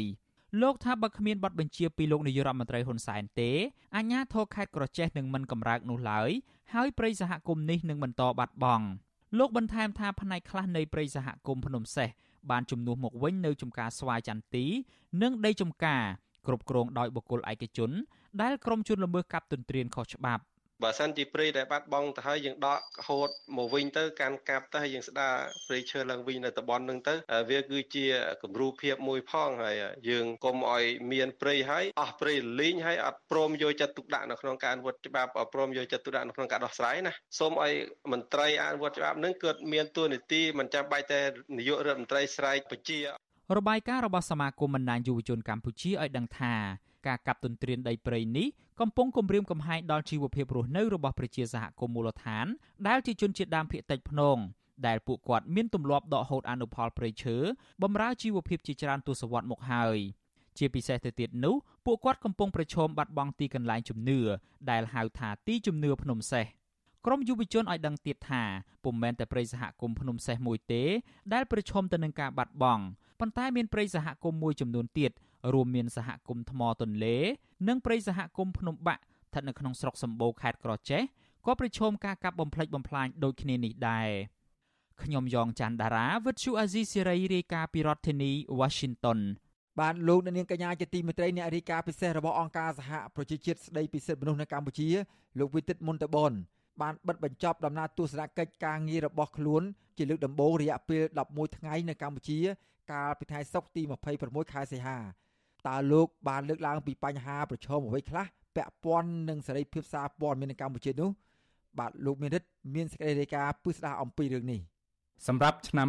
2022នេះក្រៅពីបញ្ហាចាក់ស្រេះជាច្រើនពាក់ព័ន្ធនឹងវិស័យសិទ្ធិមនុស្សជាពិសេសបញ្ហាគួរឲ្យព្រួយបារម្ភនៃអំពើជួញដូរមនុស្សនិងអំពើរំលោភសិទ្ធិដីធ្លីនៅកម្ពុជានោះ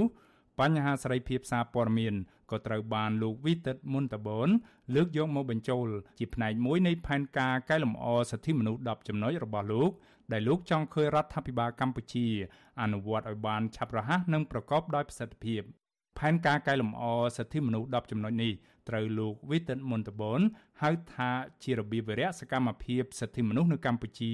សម្លឹងឆ្ពោះទៅមុខនៅក្នុងចំណោមផែនការទាំង10ចំណុចនោះ លោកវិទិនមុនតបនចង់ឃើញរដ្ឋាភិបាលកម្ពុជាបើកលំហសង្គមស៊ីវិលនិងលំហនយោបាយនៅក្នុងនោះរាប់បញ្ចូលទាំងការលុបចោលនិងការកែតម្រង់ច្បាប់នានាដែលលោកថាមានលក្ខណៈរដ្ឋបិទយ៉ាងធ្ងន់ធ្ងរដោយដែលត្រូវបានលើកឡើងដោយរបាយការណ៍នានារបស់យន្តការសិទ្ធិមនុស្សអន្តរជាតិជាច្រើន លោក Witten Montalban ជំរុញឲ្យរដ្ឋាភិបាលបញ្ឈប់នៅរាល់ការធ្វើទុកបុកម្នេញមកលើគណៈបពប្រឆាំងក្រុមអ្នកការពារសិទ្ធិមនុស្សនិងក្រុមអ្នកពាក់ព័ន្ធដទៃទៀតដោយត្រូវដោះលែងពួកគេនិងទម្លាក់ចោលរាល់បទចោទទាំងអស់ប្រឆាំងនឹងពួកគេអ្នករាយការណ៍ពិសេសអង្គការសហប្រជាជាតិស្ដីពីសិទ្ធិមនុស្សនៅកម្ពុជា លោក Witten Montalban លើកឡើងនៅក្នុងសេចក្តីថ្លែងការណ៍បិទបញ្ចប់បេសកកម្មរបស់លោកថាក្រុមអ្នកការពារសិទ្ធិមនុស្សជាច្រើនក្រុមអ្នកការពារបរិស្ថាន ក្រុមអ្នកធ្វើការក្នុងវិស័យប្រព័ន្ធផ្សព្វផ្សាយនិងអង្គការពាក់ព័ន្ធនានាសុទ្ធតែបានលើកឡើងពីកង្វល់របស់ពួកគេប្រាប់ទៅលោកអំពីការកាន់តែរួមតូចទៅរួមតូចទៅឬការរួមតូចស្រាប់នៃលំហសង្គមស៊ីវិលនិងលំហនយោបាយនៅកម្ពុជា លោកថាពួកគេភ័យច្រានបានត្អូញត្អែអំពីការបំផិតបំភ័យនិងការយាយីពីសំណាក់អាជ្ញាធរខណៈមនុស្សមួយចំនួនត្រូវបានផ្ដន្ទាទោសនិងចាប់ដាក់គុកដោយសារតែការបំពេញការងាររបស់ពួកគេ និងបទចោទបែបប្រមទ័នមកលើពួកគេលោក Witten Montalban ក៏សម្គាល់ថាស្របពេលជាមួយគ្នានេះច្បាប់ជាច្រើន កំពុងតែរដ្ឋបិទការងាររបស់ប្រព័ន្ធផ្សព្វផ្សាយលោកបន្តថាបន្ថែមទៅលើបទបញ្ញត្តិប្រមទ័នជាច្រើន ក៏នៅមានច្បាប់ពាក់ព័ន្ធទៅនឹងប្រព័ន្ធទូរគមនាគមន៍និងអនុក្រឹត្យស្តីពីការបង្កើតច្រកទ្វារអ៊ីនធឺណិតជាតិដែលចាំបាច់ត្រូវតែលុបចោលអ្នករាយការណ៍ពិសេសអង្គការសហជីវជាតិរូនេះក៏សម្គាល់បន្ថែមថាអនុក្រឹត្យច្រកទ្វារអ៊ីនធឺណិតជាតិនេះបើកផ្លូវឲ្យមានការឆ្លប់យកការកាន់តែខ្លាំងដែលគឺជាការរំលោភបំពានមិនមែនតែទៅលើសេរីភាពនៃការបញ្ចេញមតិប៉ុណ្ណោះទេក៏ប៉ុន្តែថែមទាំងរំលោភបំពានទៅដល់សិទ្ធិឯកជនភាព និងអារម្មណ៍អំពីសវត្ថភាពនិងសន្តិសុខនៅក្នុងចំណោមអ្នកធ្វើការផ្នែកប្រព័ន្ធផ្សព្វផ្សាយនិងបុគ្គលពាក់ព័ន្ធដទៃទៀតលោកថាក្រៅពីនេះក៏មានការបរិយាយអំពីភាពមិនឯករាជ្យនៃប្រព័ន្ធយុត្តិធម៌និងកង្វះភ្នាក់ងារអនុវត្តច្បាប់ប្រកបដោយគុណភាពវិសុវស៊ីស្រីមិនអាចតាក់ទងแนะនាំពាក្យក្រសួងព័ត៌មានលោកមាសសុភ័ណ្ឌដើម្បីសុំប្រតិកម្មជុំវិញការរកឃើញនិងការស្នើឡើងរបស់អ្នករាយការណ៍ពិសេសរបស់អង្គការសហជីវជាតិនេះ បាននៅឡើយទេគិតត្រឹមថ្ងៃទី28ខែសីហាទោះយ៉ាងណាភ្លាមភ្លាមក្រោយបញ្ចប់ដំណើរបេសកកម្មការងាររបស់លោកវីតិតមុនតបននៅកម្ពុជាក្រសួងការបរទេសកម្ពុជា បានសម្ដែងពីការខកចិត្តយ៉ាងខ្លាំងចំពោះសេចក្តីថ្លែងការណ៍បញ្ចប់បេសកកម្មរបស់លោកវីតិតមុនតបននេះក្រសួងការបរទេសថាសេចក្តីថ្លែងការណ៍របស់លោក Witten Montalban នៅតែមានភាពលំអៀងមានការរើសអើងយ៉ាងខ្លាំងនិងគ្មានមូលដ្ឋានច្បាស់លាស់នៅលើបញ្ហាមួយចំនួន ក្រសួងការបរទេសបន្តថាការស្រែកទាមទារជាច្រើនលើកច្រើនសាររបស់អ្នករាយការណ៍ពិសេសគឺពោពេញទៅដោយភាពផ្ទុយគ្នាទូយ៉ាងដូចជាគណៈពេលដែលលោកស្នើឲ្យរដ្ឋាភិបាល អនុវត្តច្បាប់ផ្សេងៗទាក់ទងនឹងទូរគមនាគមន៍ដើម្បីកំណត់អត្តសញ្ញាណករណីឆបោកនិងអនុវត្តវិធានការប្រកបដោយប្រសិទ្ធភាពនៅក្នុងការស៊ើបអង្កេតករណីទាំងនោះអ្នករាយការណ៍ពិសេសអង្គការសហជីវជាតិបែជាទទូចឲ្យលុបចោលអនុក្រឹត្យ តាក់ទងទៅនឹងទូរគមនាគមន៍ដែលក្រសួងអះអាងថាមានគោលបំណងរារាំងអ ுக ្រិតកម្មតាមប្រព័ន្ធអ៊ីនធឺណិតនិងប្រមូលចំណូលចូលជាតិអ្នកជំនាញផ្នែកវិស័យសារព័ត៌មាននិងប្រព័ន្ធផ្សព្វផ្សាយនិងជានាយកប្រតិបត្តិនៃសមាគមសម្ព័ន្ធអ្នកសារព័ត៌មានកម្ពុជាហៅកាត់ថា Cambodia លោក Novi ថ្លែងប្រាប់វិសុយអស៊ីសេរីថាការលើកឡើងរបស់អ្នករីកាពិសេសអង្គការសហប្រជាជាតិនៅពេលនេះ ជុំវិញបញ្ហាធ្លាក់ចុះនៃសេរីភាពសារព័ត៌មាន និងស្ថានភាពធ្វើទុកបុកម្នេញមកលើអ្នកសារព័ត៌មានដែលកំពុងតែអនុវត្តការងារនៅក្នុងប្រទេសកម្ពុជានោះគឺមិនខុសគ្នាទៅនឹងរបាយការណ៍របស់ការិយាល័យឧត្តមស្នងការសិទ្ធិមនុស្សរបស់អង្គការសហប្រជាជាតិនៅកម្ពុជា ដែលបានរកឃើញនិងផ្សព្វផ្សាយកាលពីពេលថ្មីៗនេះទេ យើងឃើញចាប់តាំងពីឆ្នាំ2017មកមានសម្បីតែអតីតអ្នកសារព័ត៌មានវិទ្យុអស៊ីសេរីក៏ស្ថិតនៅក្រោមការចោទប្រកាន់ដោយប្រើប្រាស់ច្បាប់ក្រមព្រំប្រទាននេះផងដែរហើយយើងឃើញមានអ្នកសារព័ត៌មានផ្សេងផ្សេងទៀតដូចជាលោកសុកឧត្តមនៅខេត្តកំពង់ឆ្នាំងករណីរបស់លោកយួនឈីវនៅឯខេត្តកោះកុងហ្នឹងគឺសុទ្ធតែត្រូវបានប្រើប្រាស់ច្បាប់ស្តីពីក្រមព្រំប្រទានទាំងអស់ដើម្បីយកមកចាត់វិធានការលើពួកគាត់ដូច្នេះហើយវាគឺជាផ្នែកមួយយ៉ាងសំខាន់ដែលបង្ហាញឲ្យឃើញនៅការប្រើប្រាស់វិធានការច្បាប់ហ្នឹងដើម្បីធ្វើទុកបុកម្នេញលើអ្នកសារព័ត៌មានលោកណូវីយល់ថារដ្ឋាភិបាលគួរតែទទួលយកនៅអនុសាសន៍របស់ក្រុមអង្គការសង្គមស៊ីវិលនិងអ្នករាយការណ៍ពិសេសរបស់អង្គការសហប្រជាជាតិទាំងនេះទៅកែលម្អដើម្បីជៀសវាងកុំឲ្យមានការបាត់បង់ទំនុកចិត្តពីប្រជាពលរដ្ឋឬក៏ឈានទៅប៉ះពាល់ដល់ស្ថិរភាពនិងសន្តិភាពរបស់ប្រទេសជាតិទាំងមូលនាពេលអនាគតនោះ ខ្ញុំចង់ជម្រាបជូនថាយើង កំពុងតែធ្វើកិច្ចការងារក្នុងពេលបច្ចុប្បន្ននេះដើម្បីជួយទៅដល់រដ្ឋាភិបាលទេរឿងអ្វីដែលយើងចង់ឲ្យរដ្ឋាភិបាលដោះស្រាយហើយនឹងយកចិត្តទុកដាក់គឺរឿងបញ្ហាដែលកំពុងកើតមានឡើងរបស់ប្រជាពលរដ្ឋរឿងដែលប្រជាពលរដ្ឋគាត់លើកពីក្តីកង្វល់ផ្សេងផ្សេងជូនមកថ្នាក់ដឹកនាំរដ្ឋាភិបាលដូច្នេះបើសិនជារដ្ឋាភិបាលលោកមិនខ្វាយខ្វល់លោកមិនអើពើចំពោះអ្វីដែល យើងបានលើកឡើងអ្វីដែលជាការលើកឡើងនៅការព្រួយបារម្ភម្ដងហើយម្ដងទៀតនឹងទេខ្ញុំគិតថាវានឹងមានផលប៉ះពាល់ទៅដល់ទំនុកចិត្តរបស់ប្រជាពលរដ្ឋមកកាន់ថ្នាក់ដឹកនាំរដ្ឋាភិបាលមកកាន់រដ្ឋាភិបាលទាំងមូលវានឹងធ្វើឲ្យមានអតិពលប៉ះពាល់ជាអវិជ្ជមានចំពោះស្ថិរភាពចំពោះសន្តិភាពដែលយើងកំពុងមាន យ៉ាងហោចណាស់មានរឿងរ៉ាវចម្រូងចម្រាសលេចធ្លោមួយតាក់ទងទៅនឹងការប្រាអំពើហិង្សាទៅលើក្រុមអ្នកសារព័ត៌មានបានកើតឡើងនៅថ្ងៃទី2ក្នុងពេលដែលអ្នករាយការណ៍ពិសេសអង្គការសហប្រជាជាតិកំពុងបំពេញបេសកកម្មការងារនៅកម្ពុជាកាលពីថ្ងៃទី16ខែសីហាអ្នកសារព័ត៌មានចំនួន5នាក់មកពីអង្គភាពសារព័ត៌មាន VOD និងយុវជនខ្មែរថាវរៈចំនួន4នាក់ ត្រូវបានឃាត់ខ្លួនអស់រយៈពេលប្រមាណ7ម៉ោងនៅក្នុងតំបន់ព្រៃភ្នំតាម៉ៅដោយមន្ត្រីកងអង្គរៈរបស់លោកនាយរដ្ឋមន្ត្រីហ៊ុនសែនហើយពួកគេត្រូវបានបញ្ជូនទៅកាន់អធិការដ្ឋាននគរបាលស្រុកបាទីនៃខេត្តតាកែវពួកគេទាំងនោះត្រូវបានដោះលែងឲ្យមានសេរីភាពឡើងវិញនៅល្ងាចថ្ងៃដដែលនោះក្រោយពីអាជ្ញាធរបានតម្រូវឲ្យពួកគេផ្តិតមេដាយលើកិច្ចសន្យាមួយ ដែលសរសេរថាអ្នកសារព័ត៌មានបានបង្ហោះដ្រូនដោយគ្មានការអនុញ្ញាតពីអាជ្ញាធរ របាយការណ៍ស្ដីពីសេរីភាពសារព័ត៌មាននៅកម្ពុជាទើបនឹងចេញផ្សាយដោយការិយាល័យឧត្តមស្នងការសិទ្ធិមនុស្សរបស់អង្គការសហប្រជាជាតិប្រចាំកម្ពុជា កាលពីដើមខែសីហានេះបានសន្និដ្ឋានថាគណៈកម្ពុជាត្រៀមខ្លួនឈ្មោះទៅបោះឆ្នោតម្ដងទៀតនៅឆ្នាំ2023ប្រព័ន្ធផ្សព្វផ្សាយរបស់ប្រទេសនេះកំពុងស្ថិតក្នុងស្ថានភាពគ្រោះថ្នាក់របាយការណ៍រកឃើញថាអ្នកសារព័ត៌មានដែលបច្ចុប្បន្ននេះកំពុងធ្វើការនៅកម្ពុជាកំពុងប្រឈមទៅនឹងការរំលោភបំពាននិងរងសម្ពាធនៅក្នុងទម្រង់ផ្សេងផ្សេងជាពិសេសតាមរយៈប្រព័ន្ធយុត្តិធម៌ព្រហ្មទណ្ឌលើការងាររបស់ពួកគេរបាយការណ៍បានផ្ដល់នៅអនុសាសន៍មួយចំនួនឲ្យរដ្ឋាភិបាលដោះស្រាយជាពិសេសពាក់ព័ន្ធទៅនឹងការការពារសេរីភាពអ្នកសារព័ត៌មានពីការជ្រៀតជ្រែកសេរីភាពពីការត្រួតពិនិត្យ សិទ្ធិទទួលបានព័ត៌មានពហុភាពនៃសម្លេងនៅក្នុងប្រព័ន្ធផ្សព្វផ្សាយនិងបញ្ហាប្រឈមដែលអ្នកសារព័ត៌មានស្ត្រីប្រឈមមុខជាដើម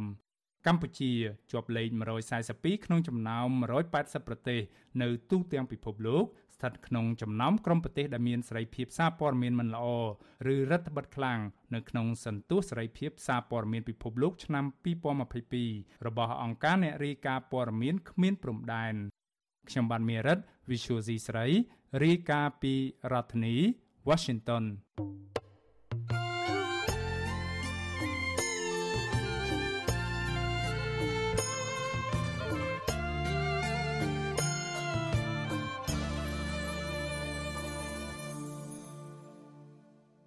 បាទសកម្មជនការពីបរិស្ថាន និងប្រជាសហគមន៍ការពីប្រៃឡង់កំពុងរងចាំមើលដោយយកចិត្តទុកដាក់ ចំពោះចំណាត់ការរបស់ក្រសួងការពារជាតិករណីមន្ត្រីអាវុធហត្ថលើផ្ទៃប្រទេសមានជាប់ពាក់ព័ន្ធនឹងអាជីវកម្មឈើខុសច្បាប់នៅក្នុងដែនជម្រកសត្វព្រៃឡង់បាទពីរដ្ឋធានី Washington អ្នកស្រីសុជីវីរាយការណ៍ជុំវិញព័ត៌មាននេះសកម្មជនការពារបរិស្ថាននិងប្រជាសហគមន៍ការពារព្រៃឡង់សង្កេតឃើញថាអាញាធរកំពុងចាត់វិធានការច្បាប់លើមន្ត្រីកងរាជអាវុធហត្ថម្នាក់លោកចាប់សរនប៉ុន្តែអាញាធរមិនបានបញ្ឈប់សកម្មភាពកាប់បំផ្លាញឈើទ្រង់ទ្រាយធំ នៅក្នុងដែនជម្រកសត្វព្រៃឡង់នោះទេកាលពីថ្ងៃទី19ខែសីហារដ្ឋលេខាធិការក្រសួងការពារជាតិលោកនាងផាត បានស្នើរដ្ឋមន្ត្រីក្រសួងកសិកម្មលោកវែងសខុនចាត់ឲ្យលោកចាប់សរនជាមន្ត្រីអាវុធហត្ថលើផ្ទៃប្រទេសបង្ហាញភ័ស្តុតាងពីការប្រមូលឈើនិងលក់ឈើក្នុងដែនជម្រកសត្វព្រៃឡង់ហើយត្រូវបង្ហាញខ្លួនតាមការកោះហៅរបស់សមត្ថកិច្ចអ្នកសម្របសម្រួលបណ្ដាញសហគមន៍ការពារព្រៃឡង់លោកស្រីថៃ នៅមិនទាន់ជឿលើវិធានការរបស់ក្រសួងការពារជាតិនៅឡើយទេដរាបណាបទល្មើសព្រៃឈើមិនទាន់ត្រូវបានបញ្ឈប់ខណៈបច្ចុប្បន្នសកម្មភាពអាឈើនិងដឹកឈើចេញពីដែនជំរកសត្វព្រៃឡង់នៅតែកើតមានឥតស្រាកស្រាន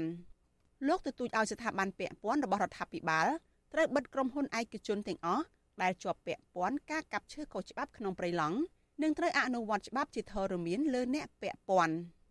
រដ្ឋាភិបាលលុបចោលអាជ្ញាប័ណ្ណក្រុមហ៊ុនណាដែលឲ្យបត់រួចជោគកូនក្រុមក្រុមហ៊ុននោះឲ្យទៅលុបចេញអាជ្ញាប័ណ្ណនោះមិនត្រូវវាដោយសារតែពួកក្រុមហ៊ុននោះបានរត់ផ្លេទៅកាប់ឈើក្នុងពេលឡងបាទគាត់បឹកចំហសេរីភាពឲ្យប្រជាពលរដ្ឋយើងនឹងបានទូលបាតពេលសាឡើងនៅវិញមកវិទ្យុអាស៊ីសេរីនៅមិនទាន់អាចតាក់ទងแนะនាំពាក្យកងរាជអាវុធហត្ថលើផ្ទៃប្រទេសលោកអេងហ៊ី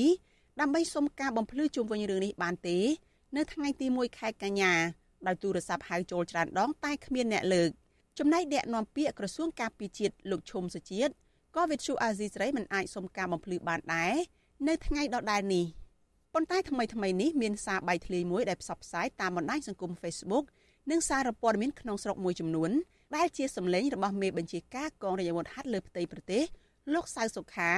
បានថ្លែងនៅក្នុងកិច្ចប្រជុំមួយលោកបានស្ដីបន្ទោសខ្លាំងៗថាមន្ត្រីអាវុធហត្ថថ្នាក់កម្ពុជាមួយចំនួននិងមេបញ្ជាការខេត្តខ្លះមិនបានរាយការណ៍ករណីលោកចាប់សរនយកតួនាទីជារាជអាវុធហត្ថ ទៅរកស៊ីឈើខុសច្បាប់ហើយចាប់សរនទៅទៅធ្វើកិច្ចការងារទៅរកស៊ីខុសច្បាប់ហ្នឹងតើអស់លោកមានបានរាយការណ៍ឲ្យមេបញ្ជាការកងរាជអាវុធហត្ថទេខ្ញុំផ្ទាល់អត់ដែរបានទទួលទេរបាយការណ៍នេះទេអស់លោកមិនដេតមិនដោយអញ្ចឹងគ្រប់គ្រងគេខ្មោចអីធ្វើមេគេខ្មោចអីវ៉ៃធ្វើមិនកើតតែសេអេក្រាមសុំចេញពីអាវុធហត្ថទុកឲ្យមនុស្សចង្រៃនៅបង្កើតរឿងនៅក្នុងអាវុធហត្ថនោះធ្វើអីហើយគ្មានលាក់លៀមទេបើអស់លោកលាក់លៀមអស់លោកក៏ទទួលខុសត្រូវជាមួយនឹងការផ្សំគំនិតដែរ ចំណែកព្រះរាជអាជ្ញាអមសាលាដំបងខេត្តព្រះវិហារលោកទីសវណ្ណថាល់ប្រាប់វិទ្យុអាស៊ីសេរីយ៉ាងខ្លីថាសំណុំរឿងបទល្មើសព្រៃឈើករណីលោកចាប់សរនផុតពីដៃរបស់តំណាងអัยការហើយហើយបច្ចុប្បន្នកំពុងស្ថិតនៅក្នុងដៃចៅក្រមស៊ើបសួររឿងហ្នឹងគឺដល់ដៃចៅក្រមស៊ើបសួរអញ្ចឹងអាក្លឹបសារការស៊ើបសួរហ្នឹងខ្ញុំមិនអាចលំអិតឲ្យទេពីព្រោះខុសច្បាប់ជុំវិញរឿងនេះសកម្មជនការពារបរិស្ថានលោកហេងស្រស់មើលឃើញថា ច្បាប់នៅកម្ពុជា នៅតែមិនបានអនុវត្តឲ្យមានប្រសិទ្ធភាពតាក់ទងនឹងបទល្មើសព្រៃឈើនៅឡើយទេលោកថារដ្ឋាភិបាល គួរតែបញ្ឈប់ចេញលិខិតអនុញ្ញាតនាំឈើចេញទៅក្រៅប្រទេសនិងត្រូវបិទក្រុមហ៊ុនឯកជនទាំងអស់ដែលធ្វើអាជីវកម្មនៅជុំវិញតំបន់ព្រៃឡង់ដើម្បីសុវត្ថិភាពព្រៃឈើដែលនៅសេសសល់។ យើងមើលឃើញថាអាជ្ញាធរប្រទេសកម្ពុជាមិនដែលឃើញអនុវត្តចូលទៅលើជនដែលប្រព្រឹត្តទាំងអស់ហ្នឹងទេក្នុងឆ្នាំ2018ឆ្នាំ2019ក៏ដូចគ្នាក្រមឈ្មោះទាំងអស់ហ្នឹងបែរជាបែរក្បាលត្រឡប់មករកស៊ីការកម្លាំងព្រៃឈើដោយដើមវិញហើយការអនុវត្តច្បាប់ទៅលើអ្នកដែលប្រព្រឹត្តហ្នឹងបែរជាមិនមានគ្រាន់តែជាឆាកលខោមួយធ្វើឲ្យតែល្អមើលក្រុមស្នូលបណ្ដាញសហគមន៍ការពារព្រៃឡង់ខេត្តព្រះវិហារអះអាងថាក្រុមហ៊ុនវៀតណាម PNT និងក្រុមហ៊ុន Macor Logistics កំពុងព្រួតដៃគ្នា ធ្វើអាជីវកម្មឈើទ្រង់ទ្រីធំ ចេញពីដែនជំរកសត្វព្រៃឡង់ដោយប្រើប្រាស់រទេះក្របីជំនួសគោយន្តឆ្នៃដើម្បីងាយស្រួលប្រមូលឈើដែលមានមុខកាត់ធំធំ ចេញពីតំបន់អភិរក្សនេះនៅរដូវវស្សាលើសពីនេះក្នុងមួយថ្ងៃមួយថ្ងៃពួកគេថាមានរទេះក្របី12គ្រឿងនិងគោយន្តយ៉ាងហោចណាស់20គ្រឿងដឹកឈើចេញពីព្រៃឡង់ជាច្រើនម៉ែត្រគូបមកស្តុកទុកក្នុងបរិវេណក្រុមហ៊ុនវៀតណាម PNT ស្ថិតនៅក្នុងឃុំរៀបរយ ស្រុករវៀងខេត្តព្រះវិហារវិទ្យុអាស៊ីសេរីនៅមិនទាន់អាចតាក់ទងសុំការបំភ្លឺរឿងនេះពីតំណាងក្រុមហ៊ុនវៀតណាម PNT និងក្រុមហ៊ុន Macor Logistics បាននៅឡើយទេចំណែកឯមន្ត្រីកងរាជអាវុធហត្ថលើផ្ទៃប្រទេសលោកចាបសរនដែលរងការចោទថាជាមេការឲ្យក្រុមហ៊ុនវៀតណាម PNT ធ្លាប់បដិសេធថាលោកមិនពាក់ព័ន្ធនឹងអាជីវកម្មឈើទាំងនេះទេបណ្ដាញក្រុមស្នូលការពារព្រៃឡង់បន្ថែមថាប្រទេសក្របី ដែលក្រុមជនល្មើសកំពុងដឹកជញ្ជូនឈើចេញពីព្រៃឡង់បង្កភាពងាយស្រួលជាងគោយន្តនិងរថយន្តកែច្នៃហើយអាចដឹកឈើតាមផ្លូវវាងបត់បែនតាមដងព្រៃនៅរដូវវស្សារីឯឆ្មាំអភិរក្សរបស់ក្រសួងបរិស្ថានដែលឈរជើងយាមព្រៃទាំងនោះមិនអើពើបង្ក្រាបបទល្មើសព្រៃឈើទាំងនោះទេប៉ុន្តែ បានរារាំងអ្នកការពារព្រៃឈើមិនឲ្យចូលព្រៃអភិរក្សជិត3ឆ្នាំមកហើយនាងខ្ញុំសុជីវី With you Azizi Saray ពីរដ្ឋធានី Washington